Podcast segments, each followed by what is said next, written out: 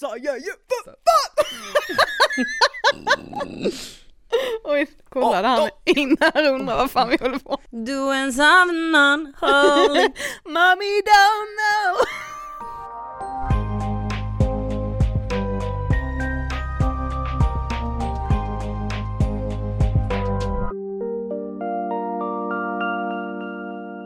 Ni lyssnar på Ångestpodden avsnitt 405 med mig Ida Höckestrand. Och med mig Sofie Hallberg. Hej.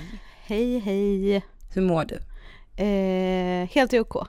Du vet, du vet, bara för att man säger så här, åh det är så bra, livet är så enkelt, allt bara rullar på.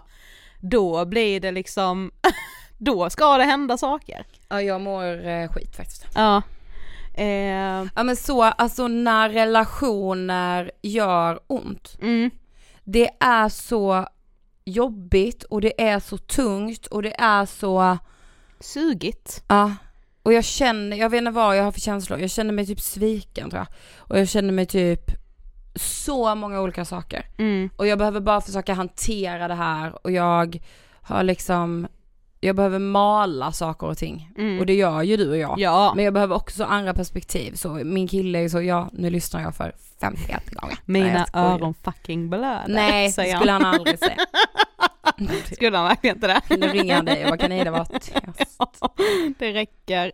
Jag tycker det är så fint när Emil säger så till mig, ibland säger han det utan att tänka, han bara, "Men bi- min bästa vän och så menar han dig. Jag vet, Det är så det är så fint. Ja, att ni För det är verkligen ett ömsesidigt. Nej precis. Eftersom du, du och han är inte bästa jo, det, men det är jättefint. Ja men jag vet alltså att han är så bara, min Dröm för dig ju.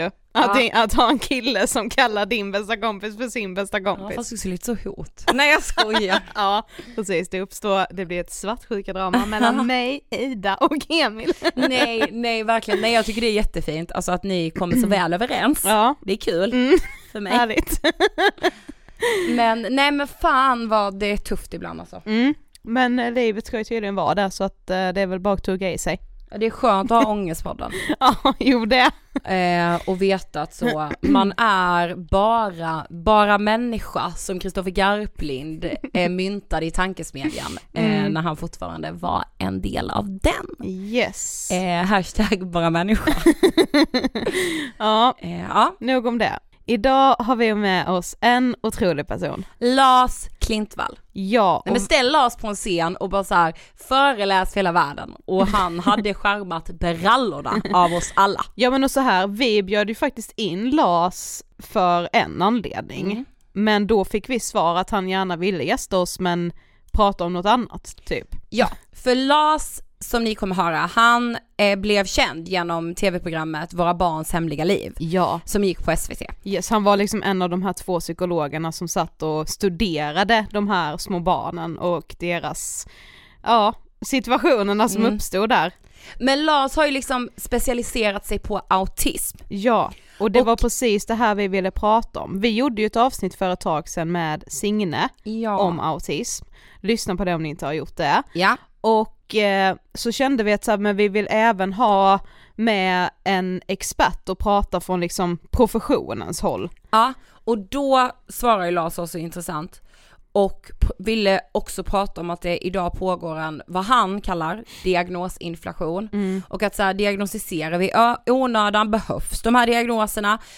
Är det liksom väntan på diagnoser, kan det göra oss kan det göra att vi inte behandlar andra saker som vanlig oro eller eh, social, Social ångest? ja. Precis. Och typ att så här, autism, just autism har blivit en sån diagnos som eh, Alltså som sjukvården går till snabbt. Ja, likadant med ADHD. Precis. Eh, som man går till snabbt när det är då någonting som inte liksom känns bra i en ung persons liv som kommer in och söker hjälp för liksom kanske mycket ångest, koncentrationssvårigheter, eh, social ångest, depression eh, och att man alltid då, alltså att man verkligen, verkligen vill utreda Ja. eh, och vad det kan finnas för faror med det och varför det kanske är lite onödigt i vissa fall. Exakt. Vi rullar intervjun med, håll i er, den så färgsprakande Lars Klintvall. Varsågoda! Hej Lars och varmt välkommen till Ångestpodden! Tack! Kul att vara här. Ja men det är jättekul att du är här. Eh, jag pratade, eller jag sa till mamma att jag skulle podda med dig idag. Och då visste hon ju vem du var genom det här SVT-programmet. Ja. Våra barns hemliga liv. Visst Var, det var så? hon arg eller var hon glad? Eh, nej hon tyckte det var väldigt spännande för de hade diskuterat det så mycket på hennes jobb. Så. vad jobbar din mamma med? Hon jobbar på en vuxenutbildning. Okej. Eh, men jag tror att de, eh, så de, jag, jag- för jag sa det, jag bara det har ju varit väldigt omdiskuterat. Ja. Har det? sa hon, hon bara jag tyckte det var så spännande. Jag har faktiskt också eh, missat diskussionen, vad är det för diskussion kring programmet? Jag älskade det! Alltså, Det, det var en massa diskussion kring det här programmet. En del av det var, som jag tyckte var jätterimlig, Mm. det är kul att prata om det nu, för det var ju typ två år sedan, ehm, var ju det här med om det var okej att filma barn just och det. lägga upp. Och det är ju en hel, det tycker jag är en superrimlig Ja. kritik, mm, att man kan fundera över, kan Mm. föräldrar ge sitt godkännande till att lägga upp sina barn mm, på SVT Play eller på sociala medier eller vad som helst? mm, Liksom. Det är ju en rimlig diskussion. mm, Och sen var en annan diskussion som handlade om typ att, att, att de här barnen var med om jobbiga grejer, att det var barn som inte blev tröstade direkt ja, och sådär. mm. Och då tyckte jag ju att det var ju hela poängen med programmet. ja, det var ju att- det som var intressant. Ja, men inte bara intressant, jag tycker också att det fanns en poäng med att vi ville visa så här, man behöver inte vara så rädd för starka känslor hos barn. Exakt. Att man måste fixa grejer hela tiden, utan man, tvärtom så tyckte jag att vi i programmet visade så här, barn fixar saker mycket bättre än vad vi tror. Ja, man måste inte vara där och liksom Nej, lösa problem eller trösta direkt eller Nej. visa att så här, åh du är ledsen, då måste du snabbt bli av med den känslan. mm, för att det är ändå en, en fel känsla liksom. Ja, det är ju det man signalerar då, ja. Ja. Exakt. Precis. Ja, jag tyckte det var så spännande. Ja. Men visst den, eh, och den diskussionen såg jag, ehm, är just det här kring att så, och nej men barnen blir så ledsna och då, man tröstar inte dem direkt, vad känner barnen då? Den såg jag, men jag hade helt missat det här med, alltså eh, just för ska man filma barn, ska det ligga på SVT Play? Den känns ju mer rimlig som du säger, Mm. Absolut. eh, faktiskt. Eh, men Lars du ska ändå få berätta, vem är du? Jag är psykolog Mm. och eh, forskar på Karolinska institutet. Och jag brukade hålla på med forskning på autism och Ja. framförallt behandling av eh, hur man hjälper barn med eh, autism i förskoleålder och öva på sociala färdigheter. Typ prata eller liksom leka med andra barn eller, men också typ eh, gå på toaletten och Mm. sånt. Sånt. Mm. Alltså verkligen konkreta färdigheter i förskoleålder. Och lite Mm. så här, vad är det som funkar i den här behandlingen? För vilka barn funkar det? Och sådär. Mm. Men det gör jag inte längre och det Nej. kommer vi säkert prata om. Mm. Att jag Ja. tycker ju inte att den här diagnosen är så bra, att den är så användbar. Så att jag har liksom släppt det forskningsspåret och Mm. funderar mer på liksom, hur hjälper man barn som liksom individualiserat, vad behöver det här barnet hjälp med? Mm. Om det är liksom eh, blir bättre på att fråga kompisar om de vill leka eller är det att man har sömnproblem eller är det att man har liksom svårt att reglera känslor? Som barn med autism ofta har problem med. Men det kanske är mer intressant att prata om det specifika problemet än den här kategorin autism som är så luddig och svårbegriplig för alla. Mm. Ja, vi kommer nog in mer på det. Ja det gör vi. Men vad tänker du på när du hör ordet ångest? En natt tänker jag på just nu. Ja. Ehm, för att jag har fått barn nyligen och då ligger man vaken och så tänker man på kriget och så tänker Mm. man på klimatet och så tänker man på allt sånt där. Allt som kan gå åt helvete. Allt som kan gå åt helvete. Exakt. Ja. Eh, Det ägnar jag nätterna åt. Ja, Ja. jag förstår. Så hanterar jag det väldigt dåligt genom att läsa eh, nyheter. Ja. Vilket inte Yes. gör problemet. Det löser inte problemet riktigt. Nej. Så klassiskt. Eh, men eh, alltså vi tycker det är så intressant när man har liksom psykologer hos oss eller forskare. Alltså varför blev du psykolog? Oj, eh, jag blev psykolog för att jag jobbade på förskola eh, när jag var, alltså för 20 år sedan. Ja. Och då så jobbade jag med en flicka som var tre år gammal och som hade en autismdiagnos. Och så övade vi på massa sociala färdigheter. Alltså den metoden som jag sen doktorerade på. ja. Och det var så otroligt kul och intressant. Så att då ville jag liksom fortsätta med det. Mm. Men för du har jobbat främst som barnpsykolog, Ja, eller? ja. Men hur har liksom din resa inom eh, psykologyrket sett ut? Nej, men jag höll på med den där autism, med autismgrejen väldigt länge och Mm. forskade på det och den här metoden och liksom försökte hitta så här, hur kommer det sig att de här barnen har svårt att lära sig sociala färdigheter och liksom fastnar i de här repetitiva beteendena istället.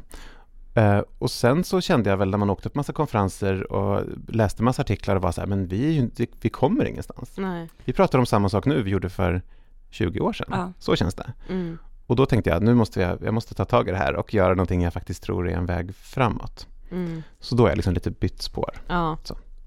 Men jag liksom, man måste hela tiden fortsätta att träffa barn. Mm. För att liksom, Såklart. så. Så att, men då kanske jag var mer på förskoleålder och nu är jag väl mer på högstadiet. Typ. Mm. För Ah, de bar- ja, men det är ju barn som barn. liksom. Ja, Ja. exakt.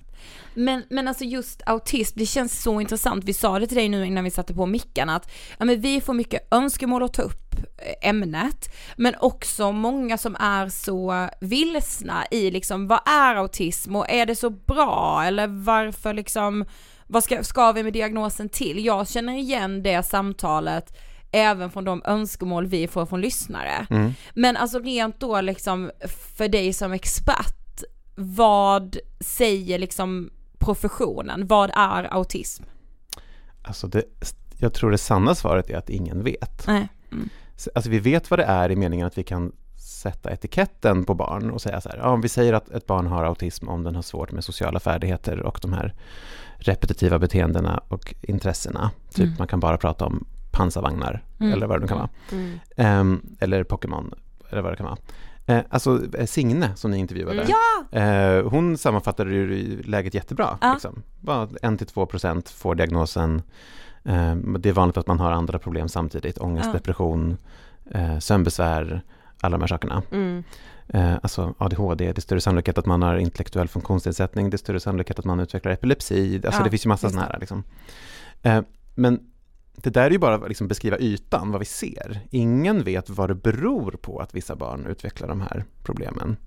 Alltså vi vet att det är något genetiskt, för att vi ser Mm. att, att om man har föräldrar som har eh, autism så är sannolikheten större att barnet får det också. Mm. Och har man ett barn med autism så är det större sannolikhet att nästa barn får autism också, så där i samma familj. Ah. Och vi vet att liksom, för vissa barn, för väldigt få barn kan vi se att det är den här genetiska förändringen som verkar orsaka autismen hos det här barnet. Mhm. Till exempel fragilt X, som är en förändring på X-kromosomen som gör att killar oftare får det. För att jag har, eh, jag har bara en X-kromosom, så om det blir någon vajsing på den så har jag liksom ingen backup, medan ni två har Okej. två X-kromosomer. Ja. Så att Ah. ni klarar er med att liksom få en skada på en av dem. Mm. Och det där gör ju att, att autism blir till exempel vanligare hos killar då. Mm. Eh, Men det finns liksom massa vägar som gör, leder fram till att man får de här problemen. Och vi vet inte vad de har gemensamt, de här vägarna. Att de här olika genetiska förändringarna verkar leda till samma diagnos, vet vi inte.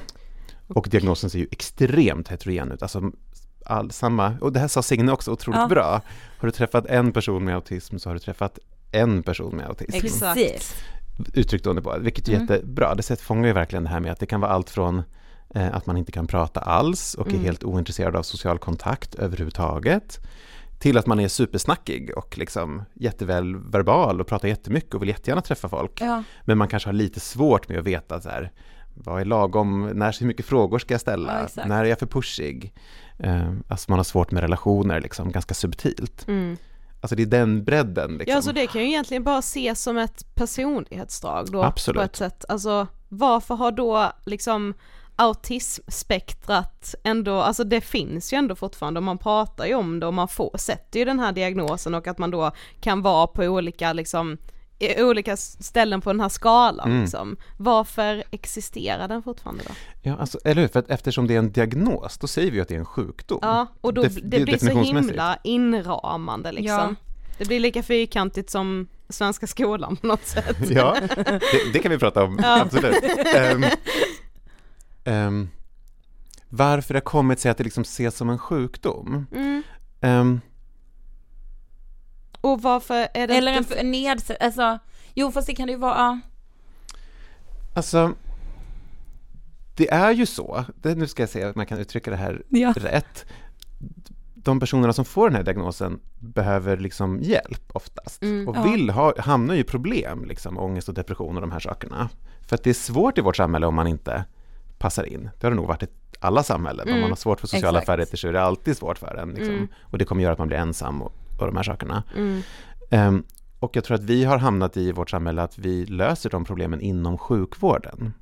Mm. Um, Annette tror jag hon hette som var forskare vid Linköpings Ja. universitet som var här. Anette Mm. Wikström. Mm. Annette Wikström, hade, Mm. det var en jättebra intervju. Mm. Och hon sa ju det här med att fram till 90-talet så, så pratade man mer om vad barn hade för liksom situationsproblem. Att Ja. man har varit med om ett övergrepp eller man har konflikter i familjen och sånt där. Ja. Medan nu pratar man om inom individen. Att Exakt. individen har symptom och är sjuk. Liksom. Mm. Att vi har gått från att se det liksom som en anpassningsfråga och mer det är du som har en sjukdom som ska Ja. behandlas. Mm. Vi hade ju kunnat, precis som du säger, man kan ju lika gärna se det här som en personlighetsdrag. Att vissa Ja, personer... bara, ja men om man, om man har autism då så kanske man löper lite större risk för att få eh, mer än en depression under livet. Men Ja. kan man inte då bara behandla Jo. depressionerna Jo. och skita i att det beror på autism? Alltså det finns ju en poäng med att tänka att, att eh, vissa personer, de som vi sätter autismdiagnos på idag, kanske är liksom, eh, behöver lite mer konkret språk när man förklarar i terapi till exempel, de har svårt med metaforer. Mm. Ehm, vissa barn fastnar väldigt mycket liksom i sina specialintressen och det där kan man använda i terapi. Mm. Ja, liksom, liksom ta exempel ifrån eh, Pokémon för att förklara för barnet varför det är viktigt att ta pauser i Ja, skolan, ja, eller precis. någonting så. Mm. För så måste Ash också göra eller någonting. Alltså man kan ju utnyttja den kunskapen, men det behöver man ju inte Mm. ha en diagnos för. Nej, Så. Nej, exakt. precis. Men, och, och framförallt det som jag tror har hänt när vi har satt en diagnos på det, det var i och för sig inte bättre, det här pratade också Signe om att förut hade vi Asperger Ja, egen för det- diagnos. ja precis. Mm. och det slog man ihop för man var så här, men vi, vi kan inte se någon skillnad på de här två, så vi, vi kan inte låtsas som att det är två olika saker när det verkar vara, Samma. ja i alla fall någonting, de verkar Ja. ha mer gemensamt i alla fall. Mm. Men problemet när vi har, när vi överhuvudtaget tänker att det finns ett spektrum, det är Mm. att vi tror att det ska finnas en orsak till alla de här problemen. Ja, exakt. Och nu har vi hållit på med det här i 30 år och forskat och försökt hitta den här orsaken och vi har inte lyckats. Nej. Och i slutändan så finns det ingen behandling för autism, utan det, precis som du sa nu så finns det ju behandling för depression. Mm. Ja, Och man kan få behandling, liksom man kan få eh, melatonin för sömnbesvär, exakt. eller vanlig KBT-behandling för sömnbesvär. Och man kan behöva öva på liksom sociala färdigheter och sånt där. Men det kan man behöva öva på om man har social ångest också. Precis, och Så- den sociala ångesten behöver inte betyda att man har autism. Alltså, Nej, exakt. nej. exakt. Nej men det här är så intressant att jag smäller av. Men Ja. alltså, nej men precis, för då, då, då känns det ju ändå som autism har gjort en resa i att man plockade bort, alltså Asperger då, och så nej vi slår ihop det här, det ska vi inte ha. Eh, kan det vara så att vi ändå då är på väg till att plocka bort, alltså autism i stort? Alltså det, det rör ju sig så otroligt fort också. Det här med Mm. att den här diagnosen ökar jättesnabbt till Exakt. exempel. Att för barn som tidigare fick eh, diagnosen intellektuell funktionsnedsättning exempelvis får nu autism istället för att det anses vara liksom mindre stigmatiserat tror jag. Det gör Mm. att man liksom hellre sätter den diagnosen. Ja. Man kan få hjälp och folk Mm. tänker att det finns en lite superpower i det. Medan det, att bara ha intellektuell funktionsnedsättning låter liksom bara dåligt. Mm. precis. Mm. Eh, Men man kan ju fundera över vart vi kommer hamna om 20 år i framtiden. Kommer vi fortfarande tycka att det här är en användbar kategorisering eller kommer vi liksom ha släppt det? Till exempel, det finns en svensk forskare som ni kanske har hört talas om som heter Kristoffer Gillberg. Ja, jag känner igen det namnet. igen, ja. Han håller på med, han har hållit på, han är gammal i gamet, han har Ja. hållit på med det här länge och han bla, var bland annat med och liksom dödade den här myten om kylskåpsmammorna. Ja, det måste vi, ja. Ja. Men det pratade Signe också om jättebra. Mm. Ja, exakt. Och det är Eh, så intressant. Det är Ja. jätteintressant. Och han var, för då på den tiden var folk så här psykodynamiker och psykoanalytiska och var så här, det är familjen och det är mamman som har varit uteslutande och därför har barnet utvecklat det här för att skydda sig själv så här, som är bullshit. Mm. Mm. Och han, det han säger nu, och det är inte bara han, det är ju så här, nej men vi kanske bara borde säga att det finns barn med utvecklingsförsening. Ah.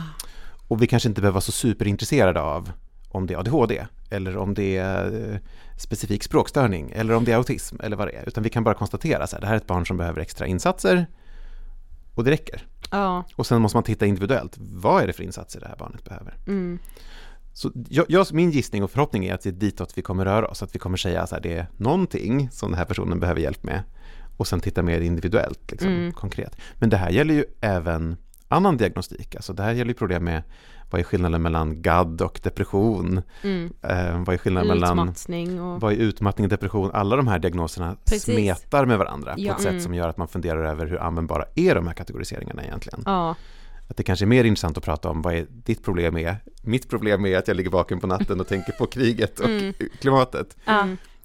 Det är inte ett problem att tänka på kriget och klimatet, men det är ett problem om man gör det när man ska sova. exakt. Mm. För det gör att man är trött på dagen och kan svårare att jobba och blir en sämre partner och allt sånt här. Så här. Ja. Då kanske det är mer intressant att prata om det. Så här. Vad är det som verkar göra att du fastnar i de här problemen? Mm. Och hur kan vi hjälpa dig med det problemet? Mer än sätta vilken diagnos. Ja för det i. känns ju som att vi Precis, slösar alltså. så Mm. jäkla mycket tid på de här utredningarna och på att hitta då förklaringen på alla de här eh, ångestskoven Ja. eller depressionerna att så här, ja men vad gör det då när vi då har hittat lösningen? Alltså vi måste ju, depressionen är ju fortfarande där och behöver behandlas, så vad spelar det då för roll? Alltså Mm. Men, och jag tänker också på andra hållet, alltså nu, för nu tänkte jag också på, ja men just när du var inne på kylskåpsmammor och man pratade om Eh, I coronapandemin så kom ju den här SVT-dokumentären Vaccinkrigarna. Eh, det var några grävande journalister som, som, den ena av dem har gästat oss bland annat, eh, som åkte till USA för att infiltrera anti-vax-rörelsen. Och det starkaste de här eh, personerna, alltså ett av deras starkaste argument var ju att säga, nej men vaccin bidrar till autism. Alltså då blir, den då blir det ju också så ett slagträ i de debatterna. Om autism inte ens hade funnits, då hade, de inte, då hade vi inte kunnat liksom slå med det, alltså förstår ni vad jag menar? Nej men det blir väl också, det kanske också är, alltså anledningen till varför det var skönt för alla de här föräldrarna att skylla, ja, att skylla på eh, vaccinet var väl kanske för att det här med kylskåpsmammor hänger kvar. Att de Ja, kände exakt. sig så här: äntligen får vi skylla på något annat för man har, alltså de var rädda att fördomen om att det var föräldrarnas egna fel att deras barn hade då autism. Var liksom, ja men Just då var det skönt att ha vaccinet att skylla på istället för så här, se, det är inte jag som har gjort något fel, jag är ingen kylskåpsmamma utan det är är det är staten som har tvingat mig att vaccinera mina barn. Ja, Just det. precis. Det är ju en, en intressant Ja, teori. ja. Men det där funkar ju även bara på diagnosen i sig. Ja. Jag tror att, jag minns inte om Signe tyckte det, jo men det tyckte hon va? Att det var ganska skönt att få Jo, diagnosen. mm. Mm. Eller hur? Det, ja, det det hör jag. man ju väldigt Mm. ofta att folk tycker. Och det, det, tror jag folk uppfattar även när de får en diagnos, diagnos som, Ja. som apes eller borderline eller Ja, så när jag liksom, fick min GAD-diagnos tyckte jag det var fantastiskt. Mm. Alltså för jag var så, gud det här förklarar allt. Alltså Det är inte så jag härligt att ha GAD, så. men det är härligt att någon säger till en att man har det. ja, ja, alltså jag var så, nej men alltså jag vet inte, men för mig var det också det här ganska typiska, att jag tyckte att jag fick en förklaring på hela min, alltså hela min ångestproblematik typ. Ja men och jag kan ändå bli kluven när man pratar om det för att i ditt fall har jag ju märkt att det har hjälpt dig att få den diagnosen för Mm. att du blir inte lika det blir inte lika djup oro och ångest när du får de här ångestperioderna för du vet att det beror på gadden. Alltså Mm. innan, innan trodde du att du blev, var utbränd varje gång du fick, Ja, precis. Då Men tänkte så, är nu är bara- livet slut, nu kraschar jag Mm. fullständigt. ja, Men, och det här, men så är det väl? ja. Att, det, att det liksom är användbart på det sättet att man blir liksom lite accepterande mot sig själv. mot sig liksom. själv. Och Mm. för exempel autism då, det är ju ändå rimligt att tänka att man får en autismdiagnos, det betyder att så här, ja, men de här grejerna är svårare för mig. Mm. Jag Ja. har svårare för sociala situationer, det är inte bara det att jag är korkad eller att jag Nej, typ inte anstränger mig. Mm. Nej. Även om vi inte vet varför du har svårt med sociala färdigheter, det vi kallar autism, vi vet inte vad det beror på egentligen, för Nej. det kan ju liksom inte bero på en diagnos Nej, som bara är en etikett. Mm. Så är det i alla fall någonting med liksom så här, men det här är någon, någonting gör att det här är svårare för dig. Så det är rimligt att du ska sänka kraven lite och liksom fundera över sociala situationer tar mer energi för dig, då kanske du måste komma ihåg att pausa mer och, och såna här grejer. Mm. Mm. Men hur ser forskningen ut, alltså hur, hur har man någonting på liksom vad det kan bero på, vad det är som får någon att få autism liksom? Alltså, Nej men alltså det finns, att det är någonting genetiskt vet Mm. vi. ja. Eh, Men att det kan vara olika genetiska förändringar som Ja. leder till det. Så det kan vara nymutationer som bara finns hos mig och det kan vara små mutationer som jag ärver från mina föräldrar till exempel. okej, ja. Så det kan funka på olika sätt. Ja. Liksom. Eh, Men vi vet, vi, vet, vi vet inte neurologiskt, det finns ingenting som liksom ett, en, man kan inte stoppa in någon i en brain scan och kolla så här, tro, har den här personen autism? Och så Mm. scannar vi och så ser vi ja eller nej. Ja, Det är inte som, liksom, det är inte som eh, diabetes som Nej. du tog upp i Anette eh, Ja. Det finns liksom inte ett blodprov vi kan ta och säga Nej. du har autism, ja eller nej. Nej, Mm. Och det hade man ju velat. Och det här Ja. problemet återigen har vi med alla psykiatriska diagnoser. exakt. Mm. Ingen psykiatrisk diagnos har ett, utan det är bara en beskrivning av vad du gör och inte gör. Mm. Som GAD då, så här, du Ja. oroar dig väldigt mycket. Ja. Det kallar vi GAD. Ja. Ja, men, men jag tänker också, alltså om man, för, för det känns ju som att samhället bara senaste tio åren, alltså just, och som du var inne på, att så här, autism känns ju åtminstone, nu, är det, nu pratar jag om min magkänsla här då, i form av att göra Ångestpodden, så känns ju det som att den diagnosen förekommer mycket oftare. Ja, ja. Och ser vi det, att fler barn diagnostiseras idag än bara Ja, ja. för tio typ år sedan? Ja, ja, absolut. Och vad tror du det beror på? Jag tror dels att det är för att man har bytt diagnos, att man brukade, eller det vet vi att det är så, att man brukade sätta andra diagnoser som intellektuell funktionsnedsättning och nu sätter vi istället diagnosen autism.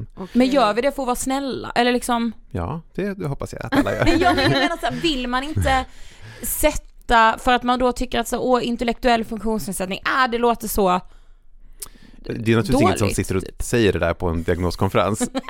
Eh, Men det har också att göra med till exempel att föräldrar eh, söker hjälp och vet så här, att det här är en diagnos som finns och om man har den diagnosen så får man stöd mm. i skolan. Alltså, det ska inte vara så, det här säger alla jämt, men de facto så verkar det vara som att man behöver en diagnos för att få extra stöd i skolan. Mm.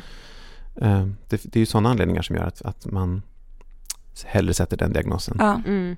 Men Sofie, ta exemplet som du gav Lars här innan, Ja. som var, är så målande. Alltså det har vi ju hört eh, många gånger nu men det blev ett så tydligt exempel bara förra veckan när vi var och föreläste så var det en eh, som berättade då om en familj som var, ja men det var två föräldrar som var helt uppgivna där deras eh, barn då mådde väldigt dåligt. Eh, de förstod att hon nog hade en eh, djup depression och hade extrem social ångest. Mm, Eh, så de söker ju då hjälp för detta, så här, Mm. hon, hon måste få hjälp. mm, och då börjar man väldigt snabbt inom vården eh, de vill liksom konstatera ganska snabbt att så här, vi vill nog ändå göra en utredning för det här, det kan nog finnas en NPF-diagnos bakom det här. Och föräldrarna var så här, ja okej så vi är ju inte emot en utredning men vi vill gärna ha hjälp nu också. mm. För och så hamnar man i en kö till. Ja, för det som händer då är att de sätter den här, det här barnet i en utredningskö som är typ drygt ett år. Mm. Eh, vi, det är så det ser ut liksom, men föräldrarna är så här: okej, ja vi fattar, vi väntar på den utredningen, men kan vi göra något för,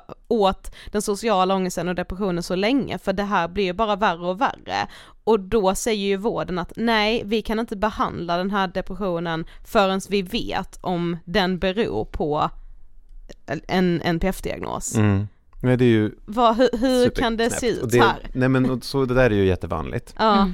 Och eh, ja, min, mitt, mitt expertområde är ju snarare barn i förskoleålder. Vi kan knyta Mm. tillbaka till det. Men mm, då var ju, i alla fall tidigare, det har blivit bättre nu, men det var ju problemet att alla kring barnet såg, det här är ett barn som inte lär sig prata. mm, Mm. Och så funderar man över det en liten stund och så går det lite månader och så pratar man med föräldrarna och så kommer man fram till att vi ska nog prata med, eh, alltså kolla om man kan göra en utredning och så är det kö till utredningen och när man väl får en diagnos så har det gått ett år. mm, Och det är ju ett år mellan kanske tre år och fyra år där man Ja. önskar att det barnet hade övat på språk exempelvis. Och då är man så här, man hade kunnat träna på det där från början. Vi hade inte behövt diagnosen för det. nej, Man hade snabbt kunnat se här, det här är ett barn som inte pratar. Då ska Ja. vi öva på det. ja, Istället för att gå och hålla på och vänta på den här diagnosen. mm, Och, och det, det här exemplet som du tar upp då med äldre barn. mm, alla behandlingsmetoder som funkar för personer utan autism funkar för personer med autism. så Mm, att vi vet att precis. KBT för depression funkar lika bra för personer med autism. mm, Sen måste man göra lite anpassningar, typ ja, men som det där med att prata lite mer konkret och inte använda för mycket metaforer och sånt där. Kanske öva lite extra på att identifiera sina egna känslor och sånt där. mm, Som kan vara svårt om man har svårt med liksom känslospråk. Så. mm, Men egentligen finns det ingen anledning att inte bara köra på. Eh, men det kan också vara så här att det finns en, jag tror att det finns en liten tendens hos vårdpersonal att om det inte är så lätt att behandla en patient, om man liksom har en patient med tvångsbeteenden och så funkar inte ens KBT-behandling, då bör man fundera så här, ah, men det kanske beror på att personen har autism. Ja. mm, Att det kan också funka som ett skydd för vårdpersonal. Jag tycker att det här är Ah. väldigt knepigt och därför behöver vi en förklaring till varför jag tycker att det är knepigt och då kan Ja. en autismdiagnos vara Ja. den förklaringen. ja, Gud vad, ja. Verkligen. Jag tänker hela eh, beroendevård kontra psykiatrisk, att man inte Nej vi kan inte behandla det här för du har ju ett missbruk. Nej vi kan inte behandla det här för att du är ju psykiskt, du har ju en borderline-diagnos som är obehandlad. Alltså, mm, Men alltså det är ju inte konstigt. Alltså, Nej. ju, man vill som behandlare såklart att ens behandling ska funka. mm, mm, Och då vet man att den funkar, liksom, jag är enklast för de här patienterna som är lätta att snacka med och som har bara det här problemet. ja. mm, Det är ju såklart en drömpatient som kommer in och är så här, jag har social ångest men jag går till skolan, ja, jag sover på nätterna, min mamma är snäll, allting rullar. Det är bara den här sociala ångesten. mm. Det är ju en enkel patient som man vill ha, Ja. på något sätt. ja, För då får man känna sig duktig. Precis. Medan så fort det blir lite smetigt, så här, ja men jag röker också svinmycket gräs. Ja. mm, Eh, och mina föräldrar ligger i skilsmässa och bråkar hela tiden. Så Ja. då är man så här, gud, åh gud, det här kommer bli en jävla soppa, hur ska Ja, vi reda i det här? Typ, var ska vi börja liksom? Ja, exakt. Och Mm. autism är en till sån grej, att man har en unge som kommer in och som inte har ögonkontakt och inte kan benämna sina egna känslor och så här, då är man ju så här, det här kommer bli superjobbigt. Ja, det blir svårt. Så det är ju det är inte så konstigt att man som behandlare tänker så tror jag. Nej, jag tror att det är begripligt. Mm. Men hur tidigt, alltså då, hur tidigt kan man få en autismdiagnos idag? Ja, någonstans mellan, man kanske kan få det mellan ett och ett halvt och två år. Ja man kan ändå få det så tidigt? Det är det väldigt få som får. Det Ja, vanliga är att mm. man får det i typ treårsåldern. Ah, Okej. Ja. Eller senare. Nu när vi sätter diagnos på, även liksom på högfungerande autism på ett sätt som vi inte gjorde tidigare, då eh, kanske vi pratar om tonåringar också. Men man, Och vad man kan menas tänka, då med högfungerande autism? alltså att man har gått i skolan hela tiden, man pratar, Mm. man kanske har svårt att skaffa kompisar, Mm, man tycker att det är svårt med förändring, sådana Mm. grejer liksom. mm. Men hur, alltså för det tycker jag är så intressant, hur går en utredning till på alltså förskolebarn, alltså så små barn? Det är lättare på förskolebarn. Ja det är så? Ja, för de kan man ju ti- titta på bara, observera och säga, Ja, det kan det här barnet det här beteendet, Ja. kan det här barnet inte det här beteendet? Typ Mm. så här, om jag pekar på någonting utan, uppe i taket, följer, tittar barnet på min pekning och tittar i samma Ja. riktning som jag? Hur är det med ögonkontakten? Kan barnet leka låtsaslekar? Om jag ropar så här, Anton, Mm. vänder sig barnet om? Ja. Det finns massa sådana markörer man kan använda. Ah, Mm. Det är mycket svårare med tonåringar. Och det här vet ni säkert att särskilt tjejer med autism är ganska bra på att eh, göra något som man kallas för masquerading, som är att man Exakt. spelar neurotypisk, kallar man Mm, det. ja. Alltså att man liksom låtsas ha, inte ha social, de problem som man egentligen har. Mm. Det här är inte bara ett problem inom autism, det här är också en grej med stamning och sånt där, att tjejer Ja. är bättre på att dölja sina problem mm. genom att inte prata till exempel. Så Ja. märker ingen att man stammar. ja. Ehm, och det där gör ju att det blir svårare att sätta diagnos på äldre. Ja. okej, gud det är så Alltså, intressant. det, ja, Men så verkligen. u- en utredning med alltså just små barn då som du har jobbat med, då är det mycket bara så här, okej hur rör sig barnet? Alltså kan man då som eh, psykolog vara med på, på förskolan eller, ah, ja det är så. Ja, alltså det vanliga är väl att man, helt allvarligt, det Ja. vanligaste är att man ger föräldrarna lite frågeformulär och så ger man förskolepedagogerna lite frågeformulär. Ja, ja. Och så får de säga de här beteendena. Ja. Och sen kanske man tittar på barnet när den kommer in i en timme Mm. på mottagningen. Liksom. Mm. Och så har man lite tester när man gör det där, pekar på saker och leker Mm. låtsaslekar tillsammans med dem. Men hur ska man då som förälder tänka och vad man, om man så, ja men om man märker att det kanske, man har ett barn som, ja det pratar och håller ögonkontakten och så men det är lite svårt med kompisar eller liksom, det är ändå en del skavigheter runt barnet, hur ska man tänka? Men jag, de, de, de som du tog upp som exempel där, det var ju ett äldre barn då, Mm, med depression och social ångest. ja, Det lät väldigt klokt tycker jag, att vara så här, ja men sure, vi kan göra en utredning. mm, Varför inte? Ja, om, ja. vi är så jävla kåta på den här utredningen så kan vi väl göra det. precis, gör det då. Men, men att inte liksom stirra sig blind på det och tro att då ska vi börja hjälpa barnet. Nej. Eh, och det gäller väl även en själv om man tänker att man har liksom problematik. Inte stirra sig blind i vilken, vilken box i psykiatrin passar jag bäst in Exakt. i. Nej. Utan liksom försöka fundera över vad behöver det här barnet bli bättre på? Mm. Vad är det för färdighet som den behöver öva på? Men anledningen också till varför man kanske ändå letar efter den där boxen som man ska passa in i är ju kanske också för att det är väldigt svårt att veta när ska jag söka mig var Ja. i, i vården. Så att då det är liksom skönare att, att hitta sin box för då är det tydligare så, okej men då ringer jag hit, då ska jag begära det här för det Mm. här är mitt problem typ. Ja, men det är ju om man har lyxen att ha lite tid på sig. Oftast Ja. har man ju inte det. Nej. Oftast vill man ju ha hjälp fort. Nu, nu, liksom. ja. Och då tänker jag att man absolut kan köra utredning parallellt, men att man också ska fundera över vad behöver det här barnet nu? Mm. Mm. Och jag tänker att det mest, mest hjälpsamma är att fundera över i termer av färdigheter, alltså vad behöver det här barnet öva på? Ja. Ja, exakt. Och det kan vara att ta sociala initiativ, eh, det kan vara att våga gå till skolan fastän det är lite läskigt att stå ut med den där nervositeten. Mm.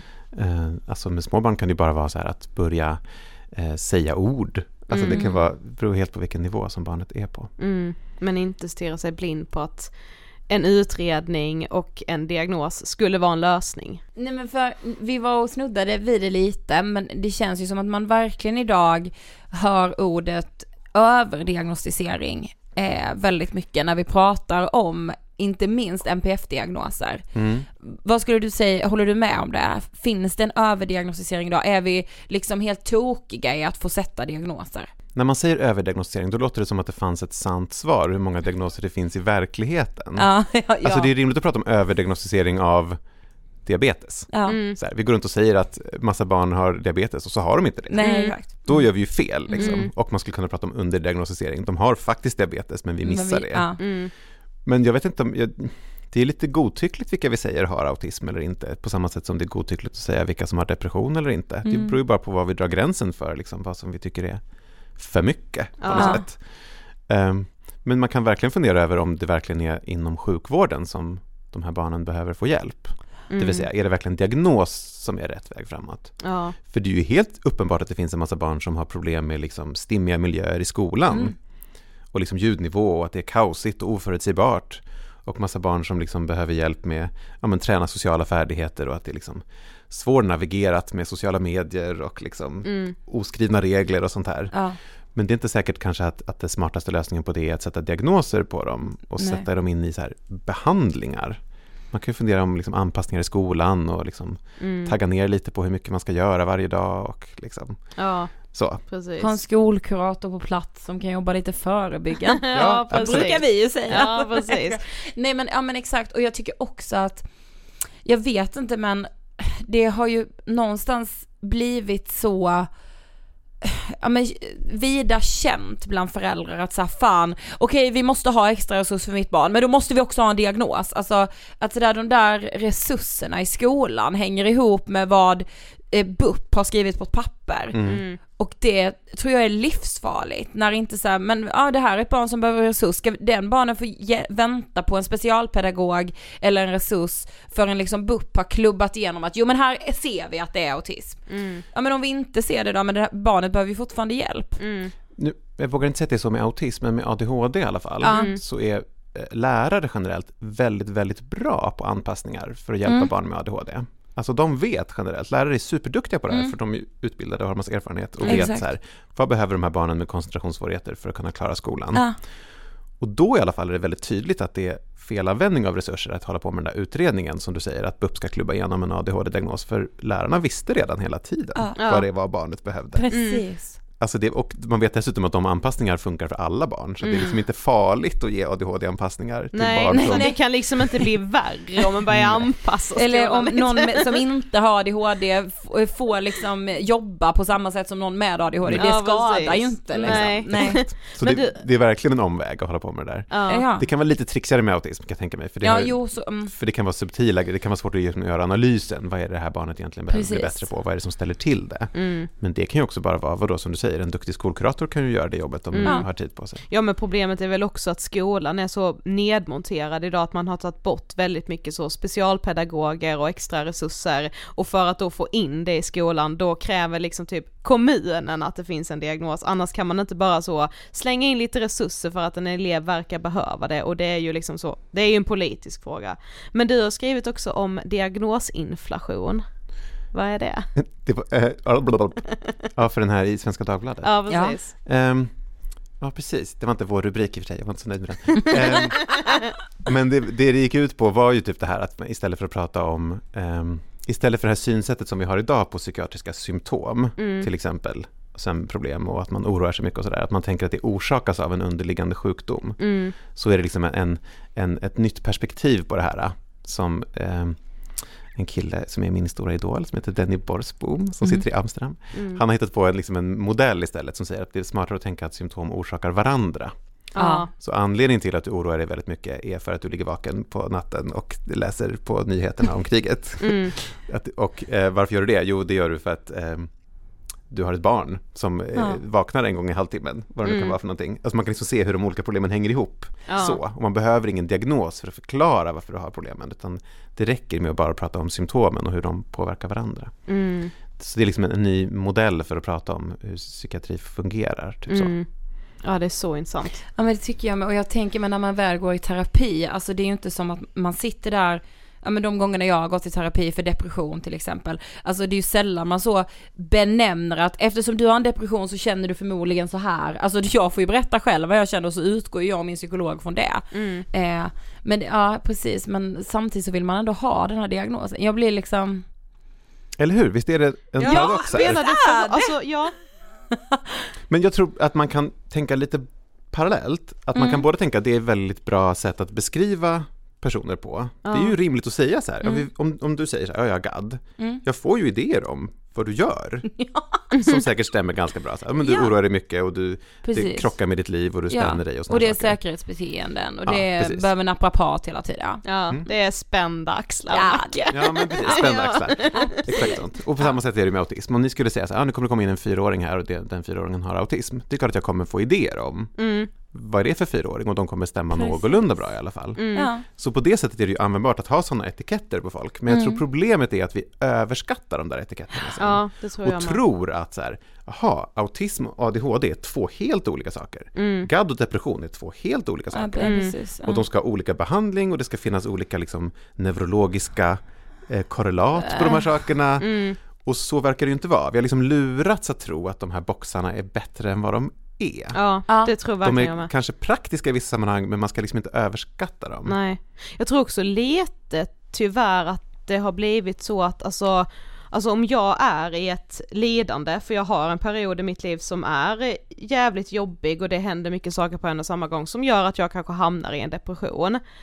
Så är det typ ändå lite också eh, skönt eller så här, det känns som en så, en, en tydlig förklaring att så här, nu mår jag dåligt, jag är i en depression, men det gör också att jag slipper prata om det som egentligen har gjort att Mm. jag mår jävligt dåligt. Att så här, jag har blivit supersårad eller någon har gått bort i min närhet och det borde jag bara så skärpa till mig kring. Men eftersom jag har hamnat i en depression så känns det kanske som att folk ska förstå att jag mår väldigt dåligt. Eller jag vet inte, det, det känns bara som ja, en... jag. Ja, Nej, jag en liten inte. Vadå, att, Jo, att det liksom att- signalerar hur allvarligt det är på ett Ja. annat sätt? Ja precis, att så här, men, men fatta hur dåligt jag faktiskt mådde, jag hamnade till och med i en depression. Ja, exakt. Just det. Ja, Då så, så jävla dåligt fick det här Ja. mig att må, alltså, Att etiketten skriker ju där om att så det här är så, det här var verkligen allvar. ja precis. Alltså, alltså om jag inte skulle få den etiketten då skulle jag bara så känna men det var väl lite sorg och det var lite sviken Mm. och det var lite, alltså. Ja, så det Mm. var ju det det var, alltså när jag hade en då mild depression som den psykologen sa som jag eh, pratade med. Mm. Att så det vill man ju inte om man vill signalera det är allvarligt, vill man inte att de ska säga nej, mild nej, Man var det var verkligen mild. säker att den är mild. mild. Och det som var, Mild är det var liksom, ord.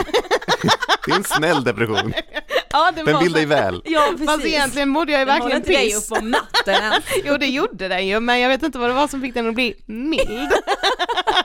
men så här, ja men egentligen det jag gick igenom var ju liksom två, två separata sorger som kom samtidigt och det blev för mycket. Mm. Men så här, istället för att säga, ja jag hade en period där jag gick igenom två, två jävligt jobbiga sorger, så är det ändå så, ja jag hade en period med depression. Mm. Mm. Och det, då blir det lite mer allvar typ. Men tänk, för ibland säger man, jag vet inte om, ni, om, om jag tror på det, jag vet inte om vad ni säger, Ja, att diagnoser riskerar att man passiviserar patienter. vad Alltså att, menas med det? Ja. att man liksom, kanske, om man får en depressionsdiagnos, då blir det som att, ah, men då ska jag bara vänta tills depressionen har gått över. Mm. För så hade man kanske tänkt om det var en somatisk, en kroppslig Ja, sjukdom. ja precis. Ja, fast tror ni det? Jag tycker folk pratar om, om vi tar exemplet depression, att de är så här, nu har jag en depression och jag måste komma igång och typ komma ut mer. Jag Mm. måste börja träffa kompisar igen. Mm. Så att jag Jag kommer kan ur min så- depression. Ja. Jag, jag har aldrig hört någon säga så här, jag är deprimerad, jag ska ligga hemma och vänta Nej, vänta tills nej, den har gått över. Ja. Ja, nej det Eller är gör folk det? sant. Nej, det gör inte folk. Lite kanske med utbrändhet, då kan vi prata om det, att man ska Ja, vila man ska sig ur vila sig. sin utbrändhet. Jag skulle Mm. nog säga att det beror lite på. Alltså, jag kan uppleva eh, när vi pratar ätstörningar till Mm. exempel, Ja.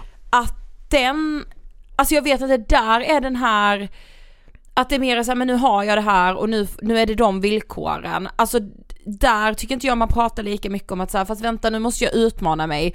Vad är det som är jobbigt med den här måltiden? Okej fast jag ska ta mig igenom det. Jag kan inte se att man, att man gör det i lika stor utsträckning som vid en depression. Att säga okej fan jag ska inte bara ligga hemma, nu, nu, får jag, nu ska jag ut och träffa mina vänner. Eller vid GAD då, det kanske är för att det är mer konkret, alltså för min GAD var det så, jag kan inte ringa, och svara inte mamma, det behöver inte betyda att hon har dött, det kanske hon har, då kommer jag få reda på det. Jag kan inte ringa en miljon gånger. Alltså att det var Och så hon kommer konkret inte vad jag behövde vara göra. längre ifrån döden för att du ringer Nej, tio gånger. jag, det är inte Alltså, livsuppehållande att ringa mina föräldrar. Nu är jag så verkligen privat, nej, men Ja, så ja. mitt privataste. Ja. Eh, eller så vad min diagnos var för mig när det var som värst. Att så, okej mina föräldrar har dött om de inte svarar. Mm. Ja, och då var, fick jag reda på i terapin väldigt konkret, att säga, okej hur bryter vi det här? Jo, eh, att du inte ringer en miljon gång- gånger. Mm. Du kanske ringer, de svarar inte. Då får det vara så. Du ska Mm. leva i den ovissheten. Mm. Fan vad vidrigt. Men så gör man det och inser att så här, peakångest, ah, så, det, så dalar det lite. Ja, och sen så hörs man om en timme och bara okej den här gången har de inte dött, nästa gång kanske de har det, då får det vara så. Ja. Alltså, Mm. då, då får vi ta den sorgen då. Mm. Att säga, okej jag får ont i magen, Be- betyder det att jag nu kommer be- operera ut blindtarmen? Jag behöver inte googla, åka in akut, utan tiden, Och också time will tell. stå så här Ja, stå- och lyfta upp Det har du sett. Varför gör man det? Varför gör man det? Ja men jag vet, det är någon sån Jo det är typ så om man har Då blindtarm, kan Ja, man då gör inte det ont lyfta om man gör så. ja då Ja. kan man inte lyfta Förlåt, benen. man får vara glad om det är blindtarmen. Ja, Tänker men, inte cancer? Jag tänker alltid jo cancer nej jag är är så rädd, någonstans. jag skulle dö bara på operationsbordet. Jaha, ja. Jag, jag, har jag ont någon Som att annanstans är det vården alltid aldrig har cancer. tagit hand om en blindtarm eller? Ja nej nej exakt. eh, och, så här, och när min psykolog första gången sa ja det kanske är cancer då. Ja, Jag bara- precis. Din idiot. alltså, det tyckte jag var så. Du får det att låta, eller det måste ju varit superjobbigt. Ja. Alltså, det, det, att den där peakångest, peakångest, Ja, det låter som ofarligt men det är ju jobbiga minuter. Ja men Mm. jo precis, men där blir det ändå konkret vad man ska göra. Men vid vissa former av psykisk sjukdom Mm. så känns det inte så, jag, jag tycker att alltså, att man är mer liksom, alltså passiviteten upplever jag är större i till exempel ätstörningsproblematik. Ja, precis. Och Det, men i vissa diagnoser eller problem så kanske det också är ganska rimligt, typ Mm. psykos. Om man Mm. återkommande psykoser. Exakt. Ja, det kan ju vara att det är utlöst för att man har liksom sovit dåligt en period eller man har typ tagit droger Mm. som har kickat igång det och sådär. Mm. Eller typ bipolär, att man har ett bipolärt skov. Mm. Det kan ju också vara att man har sovit dåligt eller tagit Ja. droger eller liksom så. Men det kan ju också bara vara att det kommer över en Ja, säsongsbetonat. Och då kanske det är rimligt att säga det här beror på min Ja. bipolära sjukdom. Jag vet, Ja, inte vad det, jag vet inte vad den i sig beror på. Liksom. Vi vet inte neurologin bakom det. Mm. Nej. Men det kanske är rimligare för vissa diagnoser än andra. Mm. Och för autism är det ju absolut så att så här, det är, då, då har man svårt att lära sig sociala färdigheter. Mm. Man har det. Det kommer aldrig bli lätt med sociala färdigheter. Så det är Nej. rimligt att säga att anledningen till att jag har det här problemet är på grund av autismen, vad det nu är. Mm. På ett sätt som det kanske inte är med depression. Mm. Ja men det här, alltså jag, det, jag tycker det här är så intressant att diskutera, Ja, jag jag vill med. sitta här i flera timmar. Men jag, no, några Det frågor tycker till. jag också. Ja, vad jag, bra jag tror att ni kanske underskattar när ni gör en sån här podd, hur det är för forskare att komma. För att, Jag tycker du det? nej men för att jag tror att, att ehm, det är ju så här man märker så här, när vi har de här diskussionerna, så man inser typ så här, vad är det egentligen som är intressant med det man håller på med, vad man Ja. själv går igång på, vad man märker vad andra går igång på. Mm. Än om man bara sitter på något jävla seminarium där alla redan håller med varandra. Ja, precis. Klappa med oss. Ja. Nej men, för, alltså tycker du att så här, om man tittar på liksom, ja men pedagoger i förskolan, alltså behöver de ha mer kompetens om autism, NPF? Eller ska de inte ha det? Det är klart. Nej, kanske inte om autism så. Nej. Det kanske inte Mm. är det som är lösningen. Att, så här, det är klart man vill att de ska spotta om ett barn eh, verkar vara utvecklingsförsenat. Så här. Mm. Ja, För ibland så hör man ju som mardrömshistorier om ett barn som är Ja, fyra år precis. och ingen har liksom lyft frågan att barnet inte pratar. så nej här. precis. Så, men generellt är ju förskolepedagoger jättebra på Ja det här. exakt. Det, de kanske, det man önskar såklart att de hade bättre handledning i är ju vad de faktiskt ska göra sen, konkreta liksom, eh, övningar och sånt. Så här. Och någon att bolla med. Så här. Men okej, hur skulle ni kunna sätta upp en övning då där barnet får öva på turtagning? Ja. Och tid att gå iväg en timme varje dag och öva turtagning Mm. med det här barnet. Ta, ta med det barnet och två andra barn som har tid och vill tycka att det är roligt och öva på det liksom lite i Mm, ett separat mm. rum. Så. Alltså det är klart att man önskar att de kunde få stöd i och liksom men, man, men jag tänker att kanske inte man behöver lägga det krutet på autism, autism specifikt. Nej, Nej. precis. Så. Men absolut att man vill att de ska kunna mer liksom färdighetsträning. Mm. Mm. Ja det här är så, det är så jävla intressant diskussion. Men vi har kommit till sista Ja. frågan. Vad Ja. inspirerar dig? Det här kommer att låta väldigt, väldigt nördigt. Men jag håller på med en metod då, som är den här holländaren hittat på som heter symptomnätverk. Mm. Som är att man ritar upp liksom en karta på en individs olika problem, hur de hänger ihop. Och varje gång man får en sån karta, för de har liksom fyllt i en enkät online och så får jag, får jag ett litet mejl som är så här pling, någon har fyllt i enkäten och så kan jag gå in och titta på, på Ah. den där kartan. Jag tycker att de är superhärliga varje gång. Ah. Så då kan man få den kartan då över sitt, liksom, sina egna symptom? Då? Ja, alltså, och det, nu, den metod som jag använder, då frågar vi hur tror du att de symptomen hänger ihop Ja. på ett strukturerat sätt. Mm.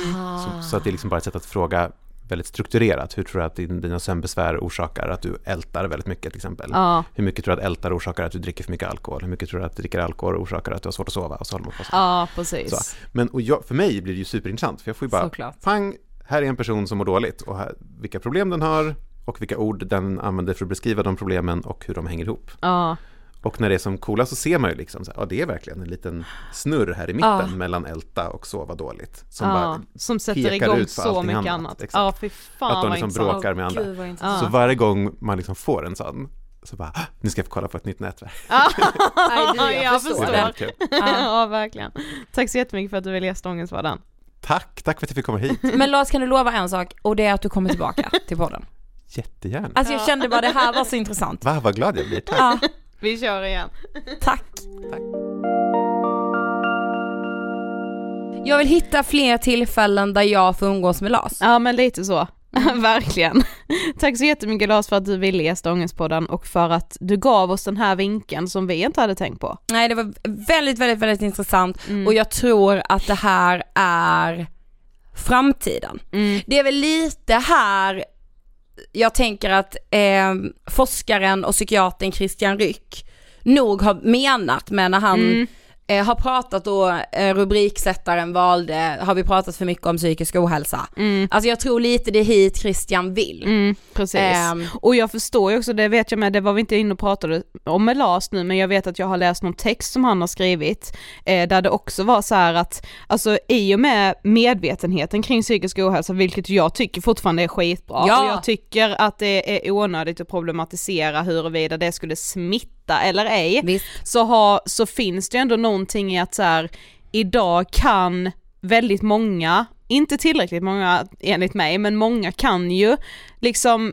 kan mycket mer om diagnoser, Mm. alltså man kanske slänger då lite med autism till exempel så fort någon är inte enligt ramverket. Mm. Det handlar väl om att vi måste prata om att ramverket är så jävla eh, snävt. Exakt. Och att skolan till exempel har extremt snäva fyrkantiga ramar och att varje unge som inte liksom följer helt enligt skolans alla regler så behöver inte det betyda att barnet inte kommer klara av skolan och att det måste finnas en diagnos bakom. Nej men exakt och framför allt tänker jag att om man behöver extra hjälp i skolan då ska man få det utan att man ska behöva komma viftandes Med med, beviset papper, ja. som då ska vara en diagnos. Gud ja. Eh, där har ju skolan ett jätteproblem Mm. att ta tag i, det är väl politiken. Och, poli- ja precis, det är ju väldigt politiskt. Och med det sagt vill jag uppmana er att fortfarande gå in på 3minuter.se, skriva under, börjar närma sig riksdagen eller? Ja det hoppas jag verkligen. Ja, det har hoppas vi jag en ny också. regering och vår nya statsminister var ju inte speciellt sugen på att införa ett maxtak när han var här. Nej men några som sitter i regering var ju. Exakt, så fortsätt skriva under, ju mer namn vi har på namninsamlingen desto mer kan vi ju påverka. Exakt. Yes, det var allt för den här veckan. Det var det och vi hörs som vanligt nästa torsdag. Givetvis. Okej, Hej då! hej då!